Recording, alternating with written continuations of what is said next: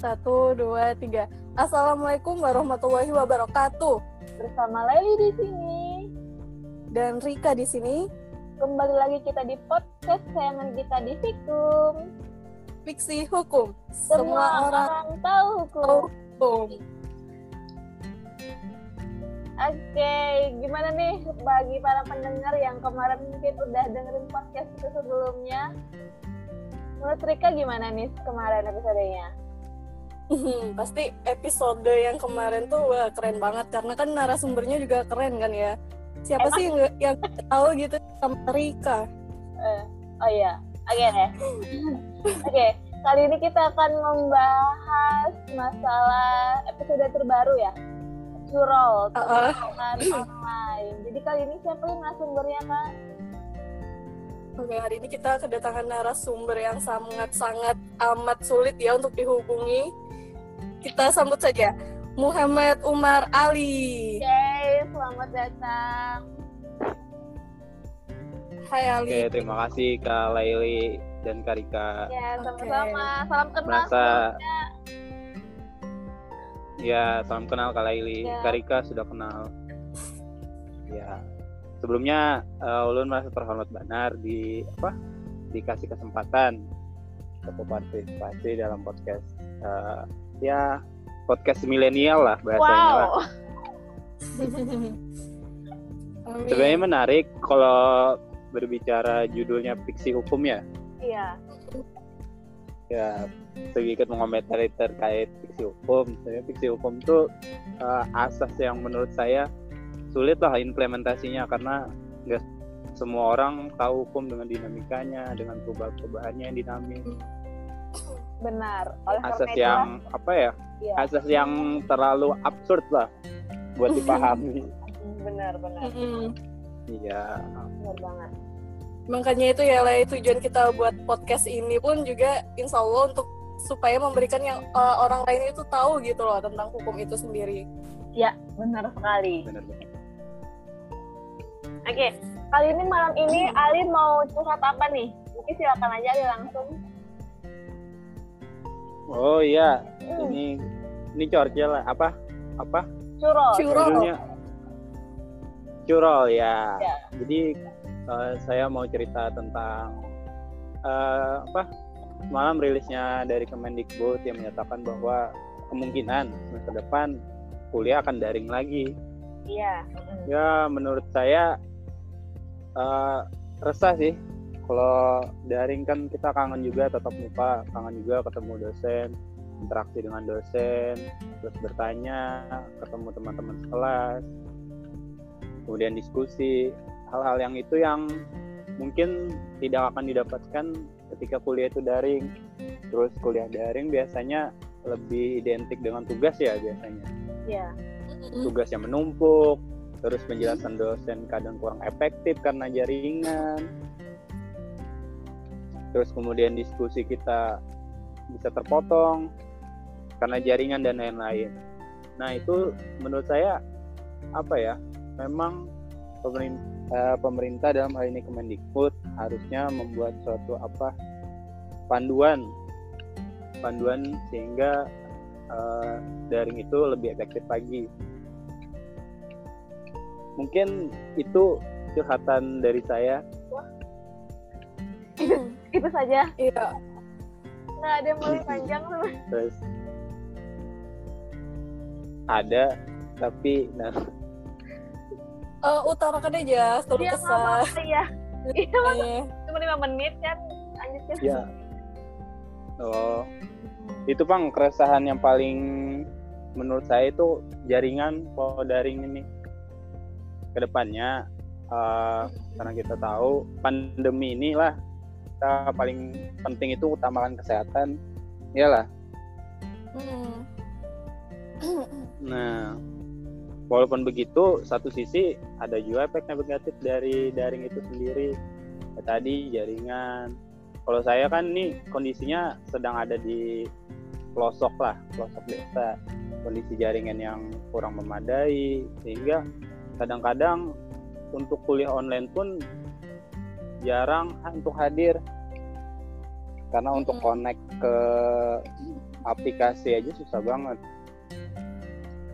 Hmm, Ya, terus benar banget belum tuh. lagi kota-kota yang keluar Iya. akibat ap- apa kuliah daring itu Hmm.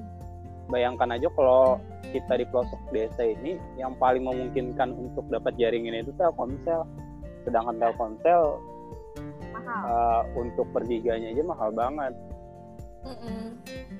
nah, nah, uh, belum lagi uh, kemarin sempat kan sebelumnya ini nggak ada yang subsidi kuota dari rektorat. Kita terpaksa merogoh kocek dalam-dalam buat apa ya demi sebuah ilmu.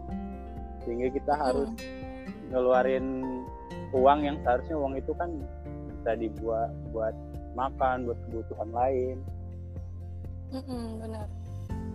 itu sih jadi eh, selain terbebani ke kita juga terbebani ke orang tua juga otomatis orang tua harus banyak-banyak menyisain duit menyisihkan duit untuk anaknya demi kuliah online apalagi saya ini di pelosok desa Gede banget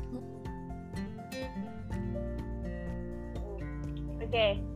Benar banget. Eh, aku mau nanya nih. Udah ya bertanya ya. Ya. mau tanya? Iya.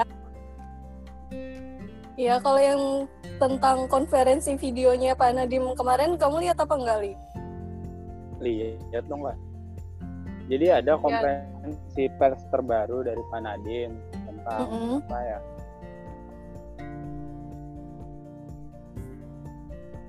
Eh, bantuan subsidi kayak gitu masih jadi Oh. harapan sebenarnya ada harapan besar sih untuk Universitas Sambung Mangkurat untuk dapat mengakomodasi terkait apa bantuan kuota ini apalagi kalau untuk apa provider provider khususnya Telkomsel yang kalau di pelosok itu yang paling bagus cuma Telkomsel sangat Mhm. membantu menurut saya untuk mengurangi beban beban mahasiswa ya yang di pedesaan terus eh, karena menurut saya Universitas Mangkurat tuh sebenarnya mempunyai apa ya keterkaitan lah secara instansi dengan Kemendikbud.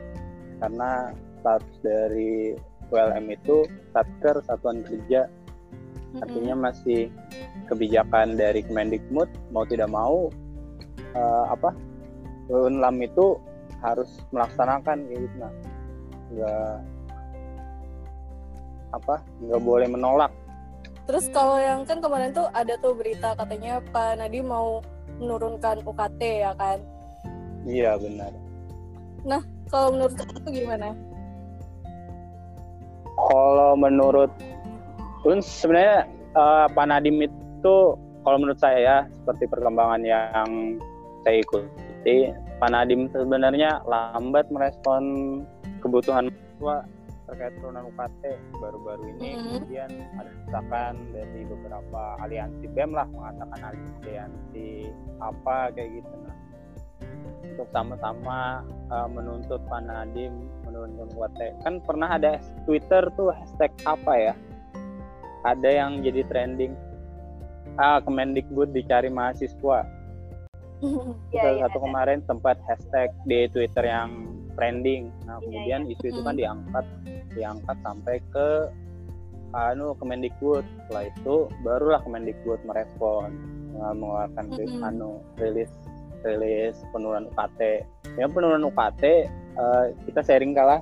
Ya penurunan UKT eh, jauh sebelum hashtag itu ada memang surat edaran eh, dari dari rektor terkait eh, tata cara penurunan UKT eh, di masa pandemi. Jadi sistemnya diatur bagaimana kemudian apa golongan-golongan apa aja yang berhak menurunkan UKT, yang dapat mengajukan UKT.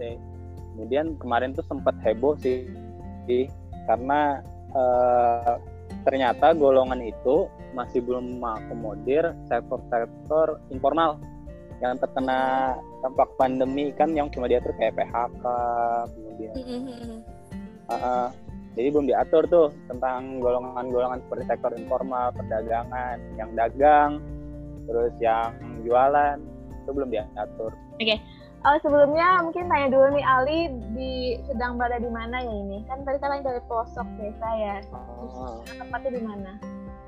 Sekarang ada di kota baru kak. Kota Oh, baru. Oh, Kota Baru. Tanjung Serdang. Pokoknya jaringan sini apa ya kalau seandainya pakai kartu misalnya Exit XL atau Hmm. M3 itu langsung SOS itu jaringan kak. Wah,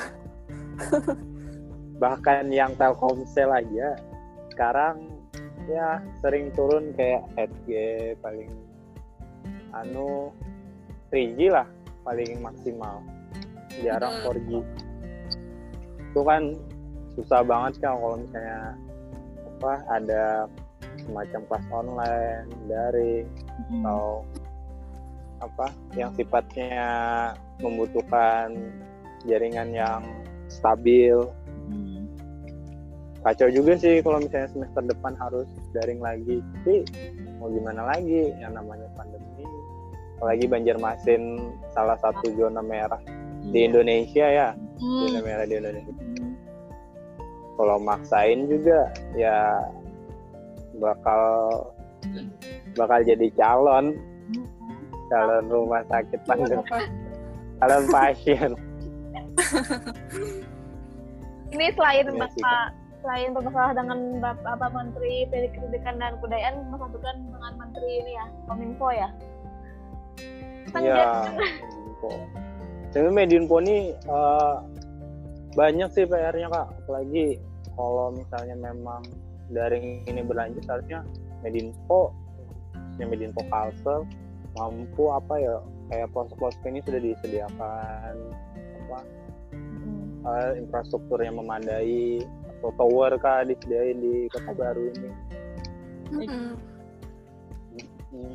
Apalagi eh, kota baru kan pulau kak, pulau terpencil. Oke. pulau satu pulau aja dia yang enggak kalau kayak tanah bumbu atau pulau la, pulau apa? Pulau laut eh tanah laut. Kalau tanah laut kan eh, ya apa? Antar kota itu kan satu pulau. Pulau ini kan pulau terpencil. Jadi seharusnya memang dari pemerintah daerah adalah macam perhatian khusus infrastruktur pendukung Eh, Ali de, de angkatan berapa ya? Tahun berapa? Oh, saya angkatan 2018 kak, Oke, 2019 semester 4 18 ya. Ah. dan ini baru ngambil PAT hukum pemerintah daerah. Oh, aku ambil ambil PAT. Kakak juga ambil PAT. Iya. Tenang aja. Oke, Iya, ini kan aduh. baru oke, belum sa- bel- berarti bel, hampir baru hampir dua tahun ya kuliah. Jadi Iya, ini kan dua- perasaannya kuliah kan dua satu satu dua tiga kan kuliah yang biasa gitu kan. Tiba-tiba Iya. di semester 4 baru beberapa minggu ya kuliah tiba-tiba langsung kuliah online. Jadi gimana perasaan Ali? Sebenarnya kalau perasaan nggak siap sih kak sebenarnya. Kalau ngelihat kondisi biasanya kan saya kalau misalnya di kelas itu kan ada uh, sesi tanya jawab atau diskusi. Setelah diskusi biasanya perpus, baca-baca buku, terus setelah itu ngeresum kan. Besoknya kalau ada yang sesuatu yang bingung, ketemu sama dosen ditanyakan. Sekarang uh, dengan kondisi yang seperti ini yang nggak memungkinkan lagi untuk bisa ada interaksi dengan dosen terus uh, apa buku-buku yang harusnya kita baca sekarang minim untuk diakses. Kalau di kampus kan ada perpustakaan. Jadi gampang tuh cari-cari buku-buku yang sesuai dengan materi yang diberikan dosen. Kalau sekarang untuk akses internet aja susah. Apalagi akses ke perpus yang jaraknya ya cukup jauh lah dari sini. Kalau di perpustakaan kan tinggal jalan aja nggak sampai lima menit udah sampai perpus Iya. Iya bener banget. itu sih nggak siap sih sebenarnya kalau apa ya perasaan ya terima aja sudah mau gimana lagi kan Mau gimana lagi ya? iya Hmm. Oke. Eh, Ali, bicara mengenai kesiapan lagi nih. Menurut kamu kalau eh, fakultas kita tuh siap apa enggak sih untuk menghadapi kuliah daring lagi gitu? sebenarnya kalau misalnya kita lihat track record yang sebelumnya cukup baik lah salah satu uh, fakultas hukum untuk merespon hal ini gitu karena yang kita ketahui kan magang virtual kan sudah ada Hmm. Ya. salah satu apa ya respon quick respon dari fakultas lah untuk menjawab uh, bahwasanya ke depannya nggak bakal juga ada magang offline ya bakal online juga. Menurut saya ya bagus bang kesiapan terkait kesiapan. Saya rasa sangat cukup siap untuk menghadapi apa sistem baru pembelajaran sistem baru magang kemudian salah satunya uh, apa menurut saya ya, salah satu apa bentuk tanggap dari fakultas itu kemarin yang terkait uh, subsidi kuota Mm-mm. Nah, kalau melihat perkembangan dari fakultas lain, salah satu yang paling cepat untuk mendata itu fakultas hukum. Mm-mm. Mm-mm. Kemudian terkait tugas, eh terkait tugas terkait kuliah online. Mm-mm. Salah satunya kalau menurut Ulun di antara teman-teman kan informasi dari teman-teman yang kalau dibandingkan uh, antara fakultas hukum dengan fakultas yang lain, fakultas hukum tuh sering kayak kuliah online. Kalau kayak fakultas-fakultas lain lebih sering tugas itu yang ulun rasakan di kelas ulun lah di kelas saya Iya, yang iya. saya rasakan tapi kalau kelas lain karena beda-beda dosen pengampu beda juga cara apa proses pembelajarannya Oh, ini kan eh, PAT tuh nih ya. Mau masuk bulan PAT. Iya. Eh, mulai kapan nih kuliahnya? kuliah PAT mulai apa ya Agustus kalau nggak salah atau Juni saya lupa jadwal tapi kemarin sudah apa ya tanggal 19 terakhir pengisian ke KRS Oh iya. Oke, PAT ini berarti online juga. Iya kak online juga sama ya. Berapa berapa mata kuliah diambil? satu ya cuma dapat nilai C plus lah perbaiki kan Oh, memperbaiki. Syukur memperbaiki. Coba di Kak kemarin, Tika Iya, Kak. kemarin ngambil ya? Oh ya, perlu dicatat saya tidak pernah mengambil PAT. Oh ya? Sumpah. Yaudah, next. Eh, Eh, tapi dah, dah. mena- tapi menarik tapi menariknya halo Iya, iya. Iya, menarik kenapa? Jadi tapi ada hal yang menarik lah eh, selama kuliah daring ini kak. Berdasarkan curahan dari teman-teman kan, ternyata nilai-nilai mereka pada lumayan. Oke, bagus ya. Jadi untuk eh, pencapaian pembelajaran kan biasanya pembelajaran itu kan ada kognitif, aktif dan kre- eh, efektif gitu ya. Berarti itu udah kamu rasakan gitu ya saat kuliah daring. Kalau apa nih kak efektif ya Heeh. indikator itu indikator-indikatornya. Mm-mm. Kan tadi kamu efektif katanya kan kok- bilang fakultas kita sudah alhamdulillah sudah siap gitu ya. Ya. Kalau secara kurikulum, kalau menurut lu sudah siap. Kemudian secara apa eh, proses pembelajaran sudah diusahakan maksimal. Tapi kalau misalnya dari eh, mahasiswa sendiri, dari ulun yang apa, yang dalam hal ini kurang memadai lah dalam penunjang apa dari jaringan yang kurang bagus sehingga uh, proses pembelajaran menurut ulun masih kurang maksimal walaupun Mhm. memang sudah ada usaha dari fakultas untuk memaksimalkan apa proses belajar mengajar tapi kan bagi kita mahasiswa yang menerimanya dengan kondisi yang jaringan yang kurang bagus salah satu Mhm. faktor utama kan jaringan kan Hmm, benar banget. Hmm, kalau jaringan nggak bagus ya ya kurang maksimal juga mau pembelajarannya itu bagaimanapun seperti kita tatap muka Iya, ya tetap faktor utama jaringan Mm-mm. Tapi kalau subsidi kuota katanya lanjut apa enggak? Ada berita enggak?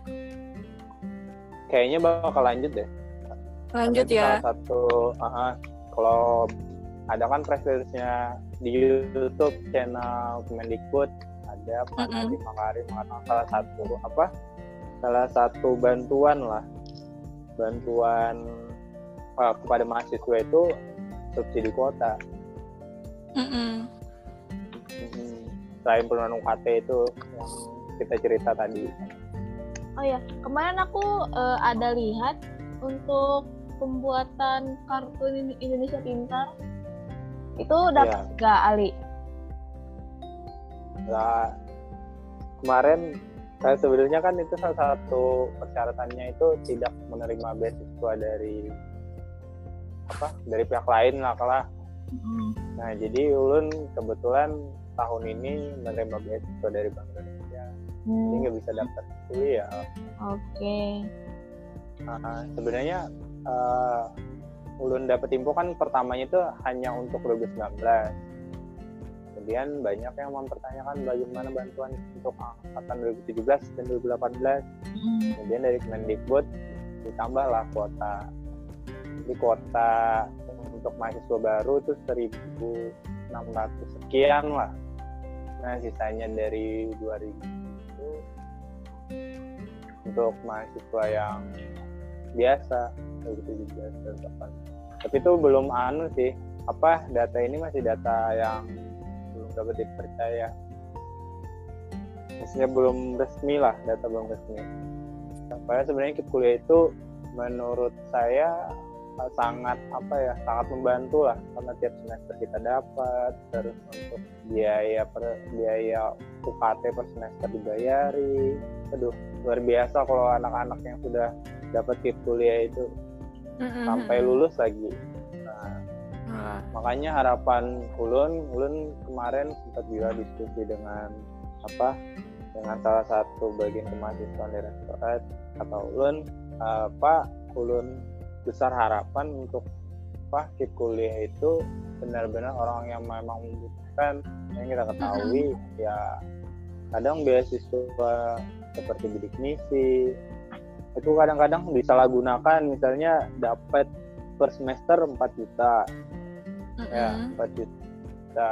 Terus uh, ada yang beli HP baru terus ada yang pergi ke mall ada yang beli baju baru. Kayak sebenarnya di luar sana masih banyak uh, mahasiswa yang lebih membutuhkan.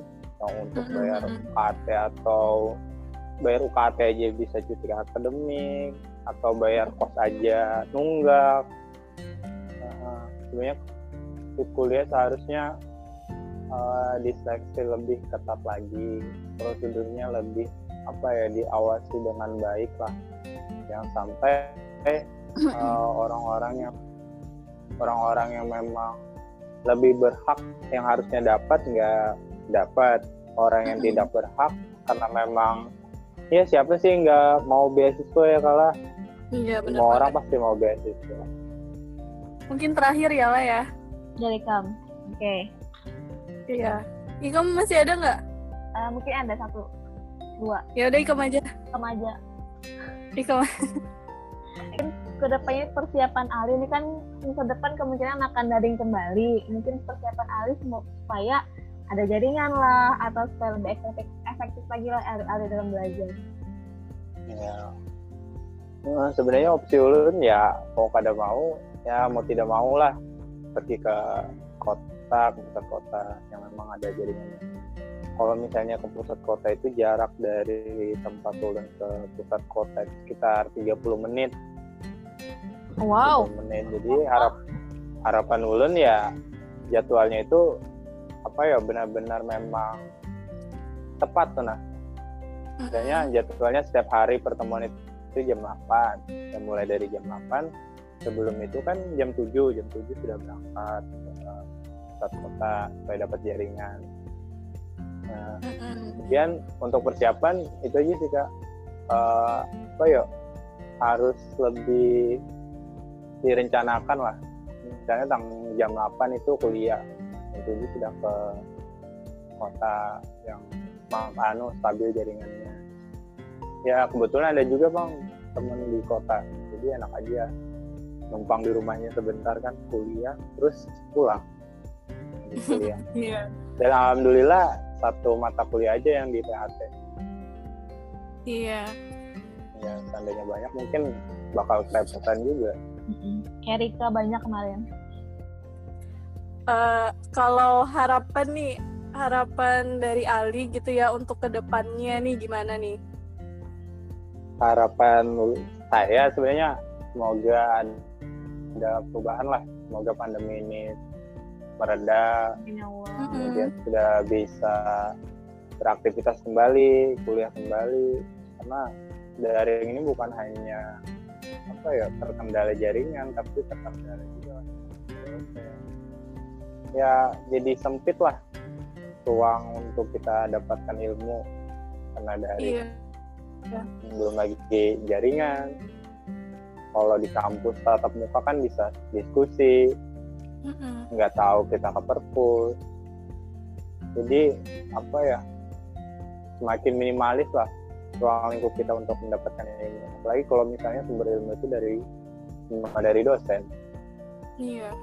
Hmm, jadi itu harapan ulun semoga pandemi ini cepat selesai kemudian kita bisa beraktivitas normal kuliah tatap muka terus apa itu sih kak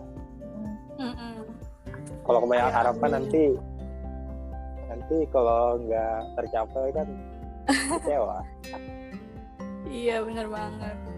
Tapi meskipun ya, meskipun kuliah daring ini banyak eh, kekurangannya, tapi masih banyak orang-orang di luar sana tuh yang eh, lebih suka kuliah daring katanya ketimbang kuliah yang offline.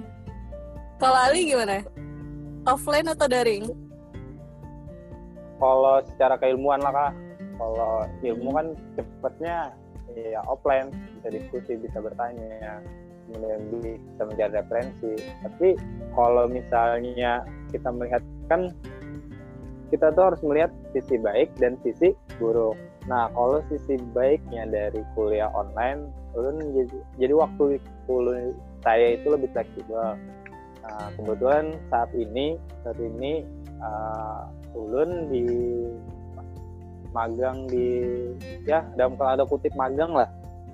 Ikut Mm-mm. ikut lah ikut uh, sama paman.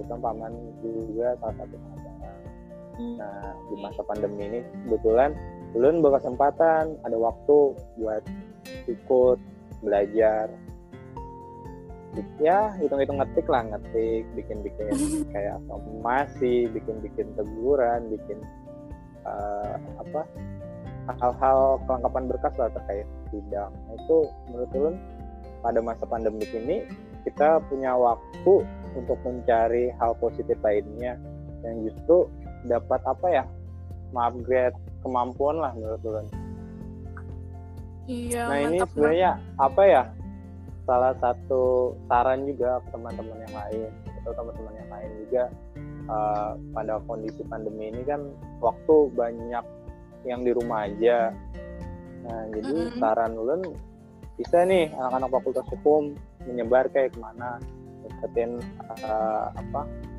LBH atau LBH di sekitarnya atau uh, kantor-kantor pengacara yang mungkin butuh tenaga kalian lah dalam hal mengetik. Nah, kalian membantu membantu di situ kalian juga dapat ilmunya. Jadi waktu luang selama pandemi ini bisa dimanfaatkan. Bukan hanya apa ya scroll scroll Instagram terus buka YouTube. Terus stalking stalking seseorang. Lebih baik ya cari waktu luang yang lebih bermanfaat lah Iya mantap. Nah, dengerin nih, Kak. Mentang-mentang sudah Iya, sarjana ya. Loh kan kita juga bermanfaat bikin podcast Iya. ini kan Kan untuk Dan, membuat eh, orang salah satunya ah, sebenarnya saya apa ya sangat apresiasi bang terkait podcast ini ada apa ya suatu wadah buat mahasiswa untuk menceritakan keresahannya menceritakan keluh kesahnya ada wadah sebenarnya apa ya Kak Rika dan Kak Laili salah satu pelopor lah karena podcast ini kan siapa pun bisa berbicara, siapa pun bisa jadi pemateri, siapa pun bisa menyampaikan sesuatu yang ada di pikirannya, Ya. yang ada di hatinya. Good lah kalau ada podcast ini, wadah yang bagus buat milenial. Amin. Buat apresiasinya ya. Ka- Semoga ke depannya eh, apa ya bisa lebih banyak teman-teman yang bisa terakomodir untuk mencurahkan hatinya. Oke nih, eh, mungkin terakhir ya kak, apa ada lagi ya? Iya. Cukup ya. Cukup, oke. Cukup. Ada apa kamu ada yang mau di- dicurhatkan lagi atau mau dibahas lagi? Kalau curhat ya kalah Hmm. curhat terkait eh, daring Iya. terkait daring kan terkait apa ya? Eh, ya terserah aja. Semua. Bisa cinta, bisa jual. Oh, oh. Mm-mm, apa nih kangenin saat kuliah mungkin kamuan atau kawan-kawan? Oh ya, sebenarnya dikangenin itu pas kuliah itu yang pas nunggu dosen kan nggak ada dosen itu. Kadang kalau kita kumpul sama anak-anak pintar kan yang dibahas materi, kumpul sama anak-anak gaul yang dibahas masalah tongkrongan, kumpul sama anak-anak apa kepo apa kepopers yang dibahas drama Korea. Yang menurut Tulun ya Mm-mm. nuansa suasana itu bang yang kadang saat ini hilang. Karena biasanya kalau ulun itu dekat sama semua temen lah Oke, itu adalah sekian segmen kita pada hari ini. Aku mewakili Rika dan juga Ali. Berterima kasih banyak pada kalian yang telah mendengarkan dan aku Rika juga berterima kasih sangat-sangat banyak kepada Ali yang telah bersedia menjadi narasumber pada hari ini. terima Dan- kasih kembali kak Ya, oke. Dan in- ingat nih untuk para pendengar juga yang tadi kata Ali kan buat kalian mahasiswa kan lagi pandemi ya kan lagi nggak ngapa-ngapain. Kalau mau silahkan jadi narasumber kami, kami selalu terbuka. Silahkan hubungi aja Leli ataupun Rika. Silahkan kalau yang mau jadi narasumber. Lalu kami tunggu kabarnya. Iya benar banget. Sampai jumpa di episode-episode yang lainnya ya. Tetap di Fikum. Fiksi hukum semua orang. Semua orang tahu hukum. Bye bye. Bye bye.